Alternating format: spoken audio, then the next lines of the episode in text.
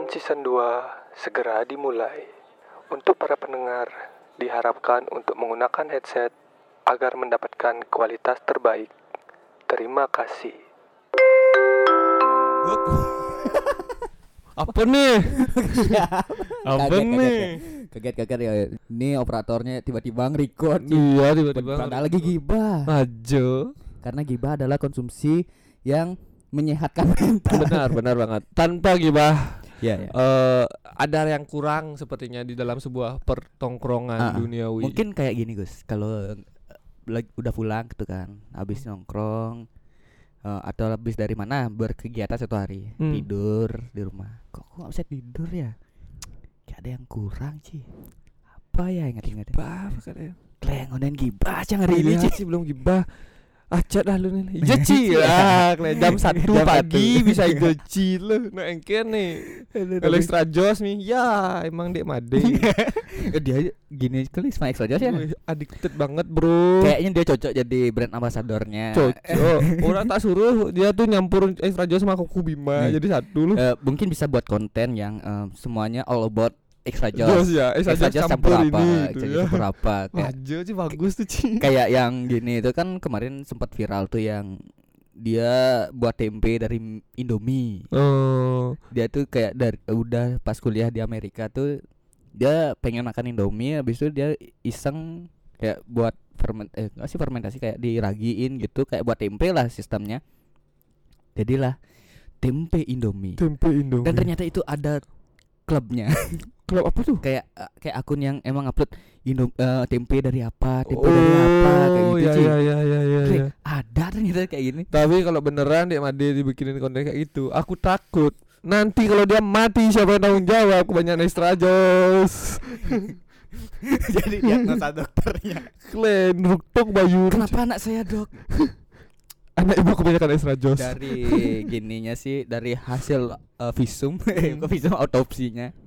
Ini kebanyakan ekstra jos. Kadar gula yang ada Kadar- dalam dalam eh, anak ibu kelebihan. Ini dilihat darah-darahnya itu eh Kuning ya.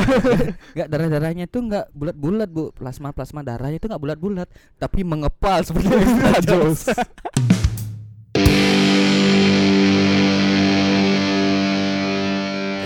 Aduh, ngerti extra jos tuh. Gibah. Gibah. Gibahin extra jos.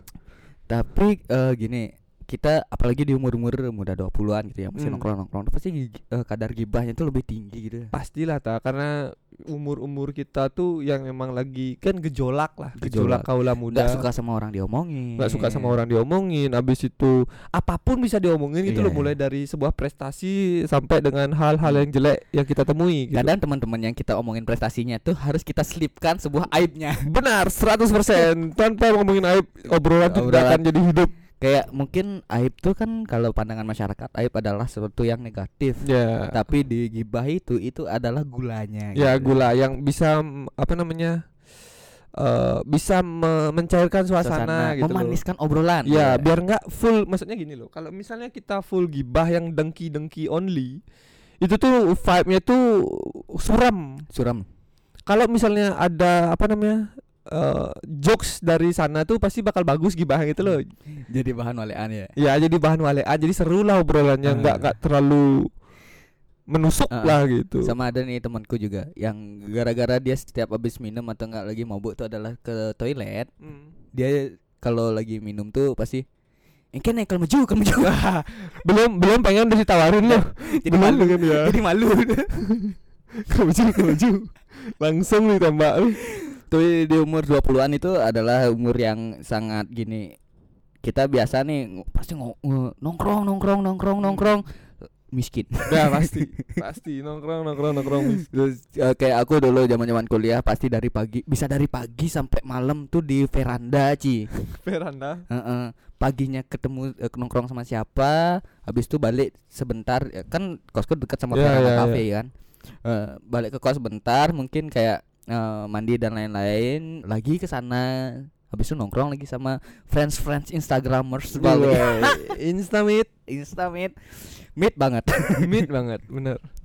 Tapi kayak pernah nggak ngerasa bahwa Kleh, aku nggak lagi nggak pengen ketemu sama orang nih.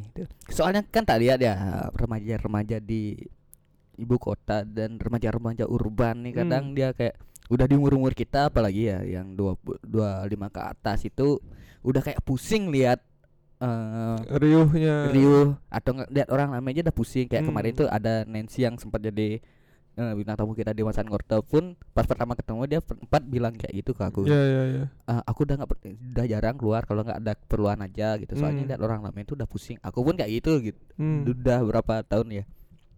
Mungkin dari pas masih masih eh baru-baru tamat kuliah tuh kalau ke konser kayak gitu tuh dulu kan menikmati banget Iya, nih iya, konser nih iya, iya. jadinya aduh nguno gitu Iya iya iya. kita pernah ngerasain itu gak Aku dulu sih ta sebelum umurku di bawah 25 malah aku yang kayak gitu no.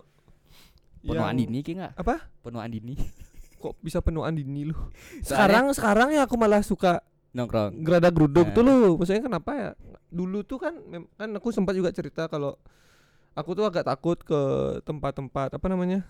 Yang baru, malas kalau rame-rame itu malas. ya Malas menggerudugan-gerudugan gitulah. Mak sekarang tuh karena mungkin karena keperluan ya, maksudnya ada keperluan ya ya aku harus misalnya ah, aku harus caper ke Nah, sini. jadi ya nyambi nyambi jadi PR lah Iya, nyambi-nyambi gitu. Jadi malah seneng aku diajak eh, ketemu orang ketemu orang itu loh. Nggak nggak nggak menghindari. Bahkan itu udah kayak Aki bilang tuh aku satu hari itu bisa nggak di rumah-rumah loh. Hmm. Sekarang ketemu ini, sekarang ke sini sama orang ini, habis itu pindah nongkrong ke sini. Kopi-kopi aja lah, tapi sampai Hmm. tempat yang lain tuh nggak aku pesan kopi, yang lain aku pesan kayak gitu. Hmm. Jadi kayak menikmati aja aku sekarang gerudak-geruduk. Malah kalau aku di rumah nggak ngapa-ngapain tuh yang aku bingung. kayak ngudiang dek nah udah nih nak le. Misalnya lepas libur tiga hari gitu loh. Hmm. Tiga hari itu nggak ada planning ke mana-mana lo langsung bingung dah. Kijang harus, harus nah. keluar nih harus keluar nih. harus gibah harus gibah. Ingin rasanya mulut ini berkata Kata. gitu, tapi udah bawa, bawa dari rumah tuh udah bawa eh, Obrolan. banyak, banyak banyak gini tuh loh kayak mungkin kak Dira tuh oh ini obrolan eh, Sama tentang ini. tentang aibnya si ini nih ya, kayak kayak gitu Udah loh, disiapin udah, lu. disiapin dari rumah tuh udah banyak tapi kalau aku sendiri sih emang dari kecil ya mungkin kayak suka di rumah hmm, di eh, di rumah aja di rumah aja. itu sampai suatu hari bapakku tuh kayak teman-teman di rumah tuh sering nginep di tetangga gitu, di satu rumah ini yang punya rumah but, eh, temanku Butan namanya Buta. Butan Oh, butan. negara Butan Ya, baru mau tak bilang. gitu dah Eh, teman-teman tuh sering nginep di sana sampai aku disuruh sama bapakku kan biasanya anak kecil ya kayak eh, SMP SD itu dilarang jangan nginep di sana eh jangan nginep-nginep gitu pasti nggak dikasih kan Hmm. aku sampai digini sama bapakku nggak nginep di rumahnya Butan gitu Iya. Sampai aku di Dipaksa nginep karena Iya. nggak pernah keluar rumah jarang kayak gitu sampai dimarahin eh cok praga juma kan Hmm, kayak kayak gitu. Sungguh susu susu susu gitu. Bawa pesu kan, pesu kan Wah, kalau susu kan, itu udah orang tua namanya. Play kan itu.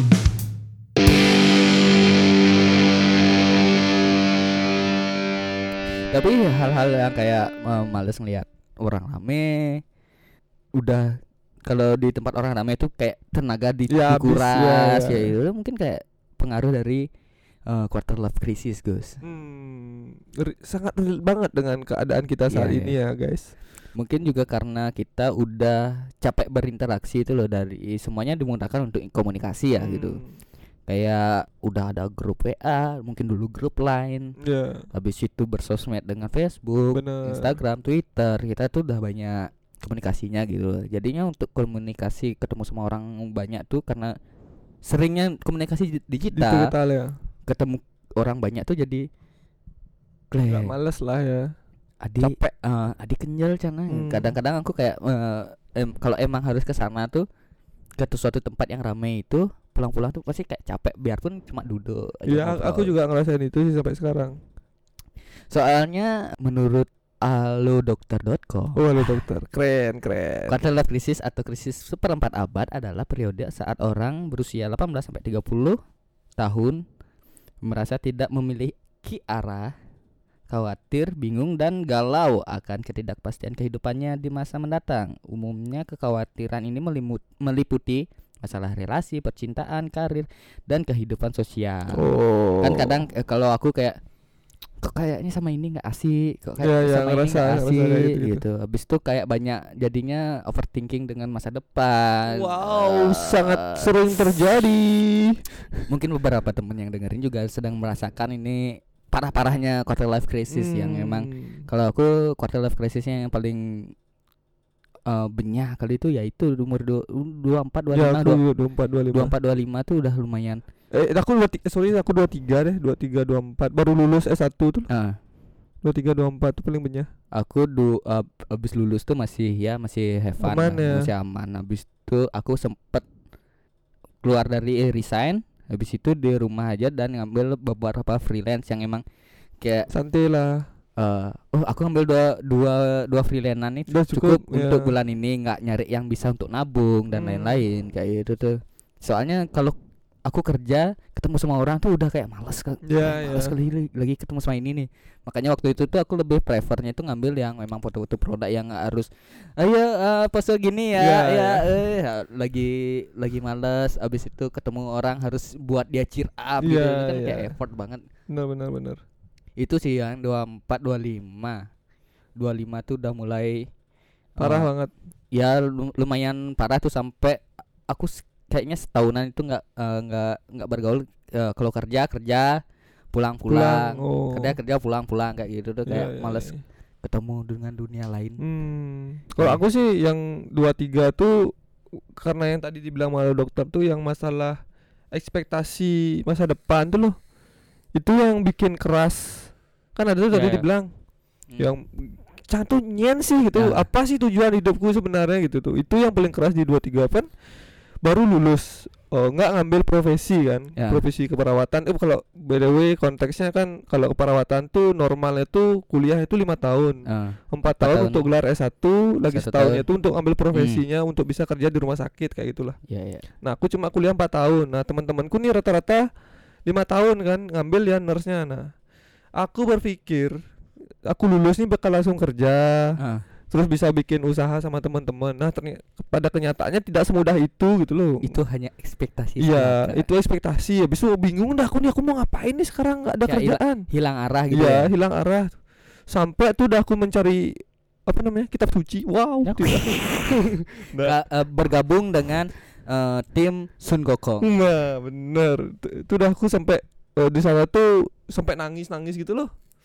Serius serius nih. Maksudnya kayak temanku datang yang yang nurse tuh loh, kayak ngelihat ngelihat dia si kelecang sibuk eh, ngurusin tugas, praktek. Kleng. Adik cang kini gen gimana sih ngado narkoba nggak kayak Wow. Tut, tut, gitu.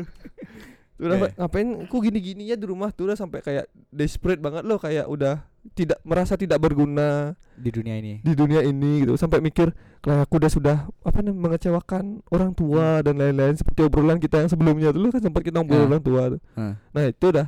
Dan pada akhirnya aku ditarik langsung sama apa namanya? sama Dek Tri lagi kan di Paspro tuh. ditariknya pelan-pelan pak kesar sini sini langsung gitu necang mang pes mune gitu wah kayak ini adalah jalan terang untuk aku bangkit kembali gitu loh. Nah dari sana dah aku lagi develop develop diri dan sekarang aman dah. dari sana dah aku merasa bahwa oh cang nih aku nih memang eh apa namanya ya, emang nggak bisa kerja sendiri. Dulu tuh kan aku memaksakan diriku untuk kerja sendiri biar bisa semua itu loh. Hmm. Ya, kayak biar micromanagement dulu loh. Ini harus bisa nih harus bisa nih harus bisa gitu. Nah dari sana aku mikir oh aku nggak bisa eh, kerja sendiri. Emang aku harus ada tim-tim yang membantu. Yang membantu karena aku sadar bahwa aku nih nggak bisa ngapa-ngapain gitu loh. Hmm. kasarnya. Usia what quarter life crisis nih kadang-kadang kita kayak ada ego yang oh sebenarnya cang idang nih. Dan Hmm. mungkin juga em, yang sekarang tuh mungkin lumayan terasa ya. Mungkin zaman-zaman orang tua kita nggak terlalu terasa karena ya eh, mereka tuh kebanyakan ya kalau dari bapakku aja udah dari kelas 2 SD udah kerja kayak gitu loh. Oh. Kelas 2 SD udah kerja artinya semua semua yang cek cek ke bapak kamu kelas 2 SD udah quarter life crisis Ah. udah di spread udah di spread adi timpal timpal cang lah Tamia cang sing lah Tamia Nen zaman tuh Tamiya Oh, bener, Tamiya tuh. Masih Adi timpal-timpal cang ya happy aja nasarin Aja. aja. Itu udah mungkin karena semua itu dituangkan secara eh, eh, kalau nyari dem- eh, nyari kesenangan paling nggak main game judi. Adi masa nomor sebuku-buku. ada cukup kayak kayak gitu loh dan sekarang yang memfasilitasi untuk quarter life crisis ini semakin memburuk adalah Sosial media Ya. sosial media. jadinya kita eh, punya overthinking buat ngeliat temennya ya apalagi yang belakangan ini kan eh, lagi naik-naiknya tuh 25 Ya, lang- 25 udah, udah punya, punya apa, apa, kayak gitu. kayak gitu kan itu tuh kayak pemicunya tuh gara-gara si siapa sih namanya tuh yang punya anaknya yang punya media tuh? siapa eh Hairul Tina Tanjung. Hairul Tanjung sih gini Putri Tanjung Ya, si Putri Tanjung sih kayaknya yang yang nge-trigger Ah. tuh karena sempat dia bikin eh, podcast sama si si- siapa namanya tuh yang punya Nebeng Boy itu? Boy Abu William. ya boy itu Wow, kan wow, wow, wow, boy wow, wow, wow. boy lah boy Cu- ya sempat bikin konten sama Boy William yang nanya isi rekening tuh loh. Agak gini ya agak ria iya kan ditanya Boy eh, bi- jujur dia bakal ngaku juga isi rekeningnya Iya. dia berapa. Boy itu kayak udah pul- 30 kayak sih 30 M gitu Ya. kan. Wih, kleng. Si Putri itu cuma 1 M. Hmm. Si Boy itu bilang kayak gini. Ya udah nggak sih nggak apa-apa kan eh gua Cang umur seumuranmu belum belum Sing segitu. lah apa sing belum- lah apa belum segitu masih punya. gitu. Nah, tapi aku merasa aku gagal banget punya rekening segitu gitu sih. Apalagi kita Wow, wow, wow, wow, 100 juta saja tidak ada rekening. Jangan kan 100 juta, 10 juta saja tidak ada. Sangat mengenaskan. mengenaskan Eh, mungkin eh, Putri Tanjung tuh kurang bergaul sama orang-orang yang kayak kita ya Ya. Dan mungkin karena pergaulannya dia dan yang high ya yang high bu- bukan saja pergaulan sih, maksudnya karena pengaruh orang tua Ya. mungkin yang yang emang sudah super kaya dari Ah, dia lahir loh. Jadi Hmm. merasa uang satu miliar tuh masih kecil masih kecil sekali. orang Rafathar aja tabungannya 100 juta mau mau.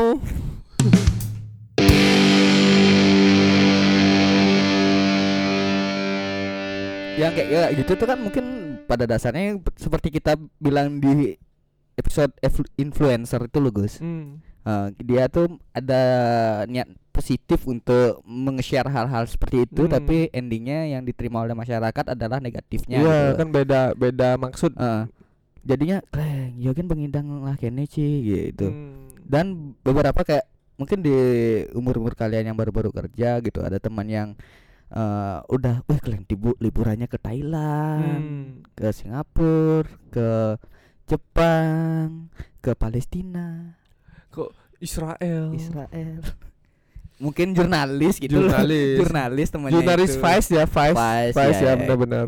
Sama New York Times kalau nggak salah Iya. tuh. sama Info Jakarta Oh wow, Info Jakarta kok nge-share tentang Palestina. apa salahnya Gus itu jadinya teman-teman yang lihat tuh di apalagi kan yang sekarang eh, beberapa tahun sebelum corona ini menyerang yang tak lihat di anak-anak muda urban ini Hmm. adalah di eh, profil Instagramnya tuh udah di highlight nih misalnya ke pernah ke Jepang JP SG Iya. eh, BKK itu kan gitu. Eh, gitu. jarang sih ke Cina sih Ina, Korea Ina. oh Ina Korea Iya, gitu iya. Kor gitu, gitu kan jadinya teman-teman yang mungkin sengaja nggak sengaja kepoin tuh jadi kena sikit iya, ya iya. bang ngidang main main main main cang sing ngidang hijau Hmm. Eh, dan bahayanya anak sekarang adalah memposisikan diri mereka sama gitu loh Iya, iya, ya. Padahal tiap orang tuh punya timeline yang berbeda Iya. kan, timeline yang Pu- eh, masing-masing. punya latar belakang keluarga yang berbeda Hmm. gitu. Misalnya yang emang jalan-jalan aja ini mungkin keluarganya dia punya perusahaan Pertamina, Padahal nggak tahu itu dari hasil korupsi. ngepet mungkin itu jadinya eh emang sih untuk memotivasi diri merasa sama dengan orang lain tuh nggak apa-apa tapi Hmm. untuk membandingkan diri misalnya umurku sama nih sama umurmu tapi Hmm. karena eh ke Pola yang berbeda. eh, latar belakang keluarganya tuh mungkin bapakmu tuh eh kepala di dinas apa kabak apa di ya yang dinas- punya punya punya pengaruh dan punya uang lah gitu kan. punya emang dasarnya punya Iya. uang dan ki apa namanya bekalnya seminggu eh, 5 juta atau enggak 10 juta Hmm. sekarang bandingin sama aku yang 3.000 satu. enggak 350 gitu misalnya apa 300 itu kan udah jauh beda Iya, jauh banget. dari segi gini kita lebih ekonomis yang emang keperluan aja yang dibeli gitu Iya, iya. kalau yang 10 juta gitu se- seminggu itu kan udah bisa sampai nabung Hmm, hmm. bisa pakai punya Iya, bisa pakai oh, D2D. eh, di dua Despa yang 200 200.000 ribu langsung main dapat Mobile Legend. Mobile Legend. Gini aja sih, maksudnya eh, buat teman-teman yang kayak gitu tuh Ah. bisa belajar dari anime sih. Iya ya. Maksudnya ki kalau dengki boleh. Cuma ubah dengkimu tuh sebagai acuan lo, sebagai bensinmu untuk meraih Kesuksesan. kesuksesan gitu loh. Ah. Misalnya kayak ki ngelihat temanmu yang cek yang udah ke Jakarta, Korea, Thailand dan lain-lain. Ki boleh dengki, cuma gimana caranya dengkimu tuh ubah jadi bensin biar cang harus bisa kamu. Jadi usahamu tuh harus lebih tinggi gitu loh. Sama kayak kita ngomongin orang yang punya bakat sama yang nggak punya bakat gitu loh. Orang punya bakat tuh kan eh, kayak sedikit aja effortnya dia Nah. udah bisa mencapai itu. Hmm. Jadi kalau kita nggak punya bakat, yang kita bisa lakukan adalah usaha yang lebih untuk mencapai bakat orang itu gitu. Iya, kalau enggak ya santet ya. Wow, bunuh saja. Seperti pepatah Thailand, guys. Apa tuh? Long Long- like night. Nong lak nai, lok lap, nong tanang nok artinya ta. Gunakanlah energi negatif itu dikonversikan menjadi bahan bakar positif. Ah, gitu. benar, benar. Keren banget. Itu, Gus. Itu pepatah Thailand yang aku nonton di mana gitu. Kayak di kayak di film yang Tup Lak Cik Nak Pai itu kayak Apa itu? Sinawangca. Iya, jadinya ke, eh, kehidupan anak-anak zaman sekarang tuh kayak sebenarnya mereka nggak di pressure, tapi Hmm. mereka kayak merasa didorong untuk menjadi ah aku harus bisa sama Harus sama dia. lah." harus sama kayak gitu Ya. ya, kayak dia karena sebenarnya generasi setelah kita ini adalah generasi yang emang melek sama uang gitu loh dari Hmm. umur 17 tahun mungkin udah Udah main crypto, uh, cryptocurrency. cryptocurrency eh, uang tabung eh kok uang tabung uang bekalnya dia misalnya bekal 500 ribu seminggu gitu Hmm. lima ratus ribu dua ratus ribu tuh atau seratus ribu dipakai pakai gini Ya, enggak sih kayak 500 ribu bakal orang-orang sekarang sih. iya sih Ya se- sejuta lah minimal Iya, sejuta iya. lah minimal banget tuh Ci. Yang paling miskin banget itu sejuta sih. paling gede sih nggak tahu udah berapa bakal itu. itu udah jadinya apalagi teman-teman pergaulan tuh kan lumayan pengaruh ya Iya. kayak misalnya teman-temanmu main cryptocurrency kamu pasti kayak eh, kepo teman-temanmu pengen suka belajar, judi ya. pasti kamu eh, Ikut investasinya di togel Iya. togel itu nggak cuma satu server, satu empat. server empat eh, yang SGD ada yang Hongkong cang namanya itu udah jadinya eh, mereka merasa punya keharusan harus sama sama teman-teman yang Hmm. lain kayak gitu Hmm, benar benar banget dah. itu menjadi sebuah eh, penyakit kenapa anak-anak zaman sekarang tuh sering kena psikis kena psikis Kena tuh. mental, Kena kena mentalnya, mental bos. sering terjadi itu. itu jadi kayak memperkeruh quarter life crisis ini Hmm. misalnya aduh aku lagi umur 24 25 gitu misalnya lagi nggak kerja atau habis resign atau emang dirumahkan karena koronce ini Hmm.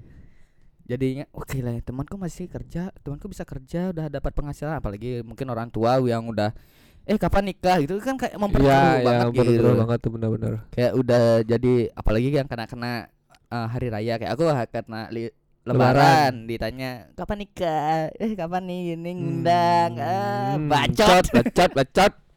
Janganlah Anda menambah Kayak- dosa. kayak kayak kayak kata ibu-ibu yang viral goblok. Oh, Ci yang yang yang gini pakai baju biru tuh ya. Nah, jadinya orang-orang itu merasa dirinya harus sukses di usia muda benar. Bisa sih, cuma tidak semua punya Uh-uh. jalan yang sebagus itu gitu loh. sebenarnya usia muda tuh ya nikmatin aja Senang-senang senang. aja lah, bener kan. ya kalau kata temanku sih kalau dapat penghasilan ya untuk senang-senang tuh 20% lah gitu Hmm. kalau 20% kalau Kim mau senang-senang mau lebih tinggi lagi Ki cari eh, channel lain untuk penghasilan uang Ya. yang untuk emang 100% nya tuh senang-senang gitu Hmm, benar. Kita harus bisa bagi-bagi porsi lah. Kalau Nah. mau uh, wo- play hard, work hard Work juga. hard juga. Work hard, play hard kan seperti kata ah, siap. siapa dia Kata Lilintar. Itu contoh orang yang work hard, play hard beneran. ah Di tengah kasus uh, istrinya yang gugur gugur, dia bisa meraup uang dari film. kan kayak film dia karena istrinya tuh. masa Di apa? Streaming layanan streaming apa gitu. Bisa dia bikin kayak gitu. Contoh Work hard, play hard. Ben kena sikis cang. Sakit kena me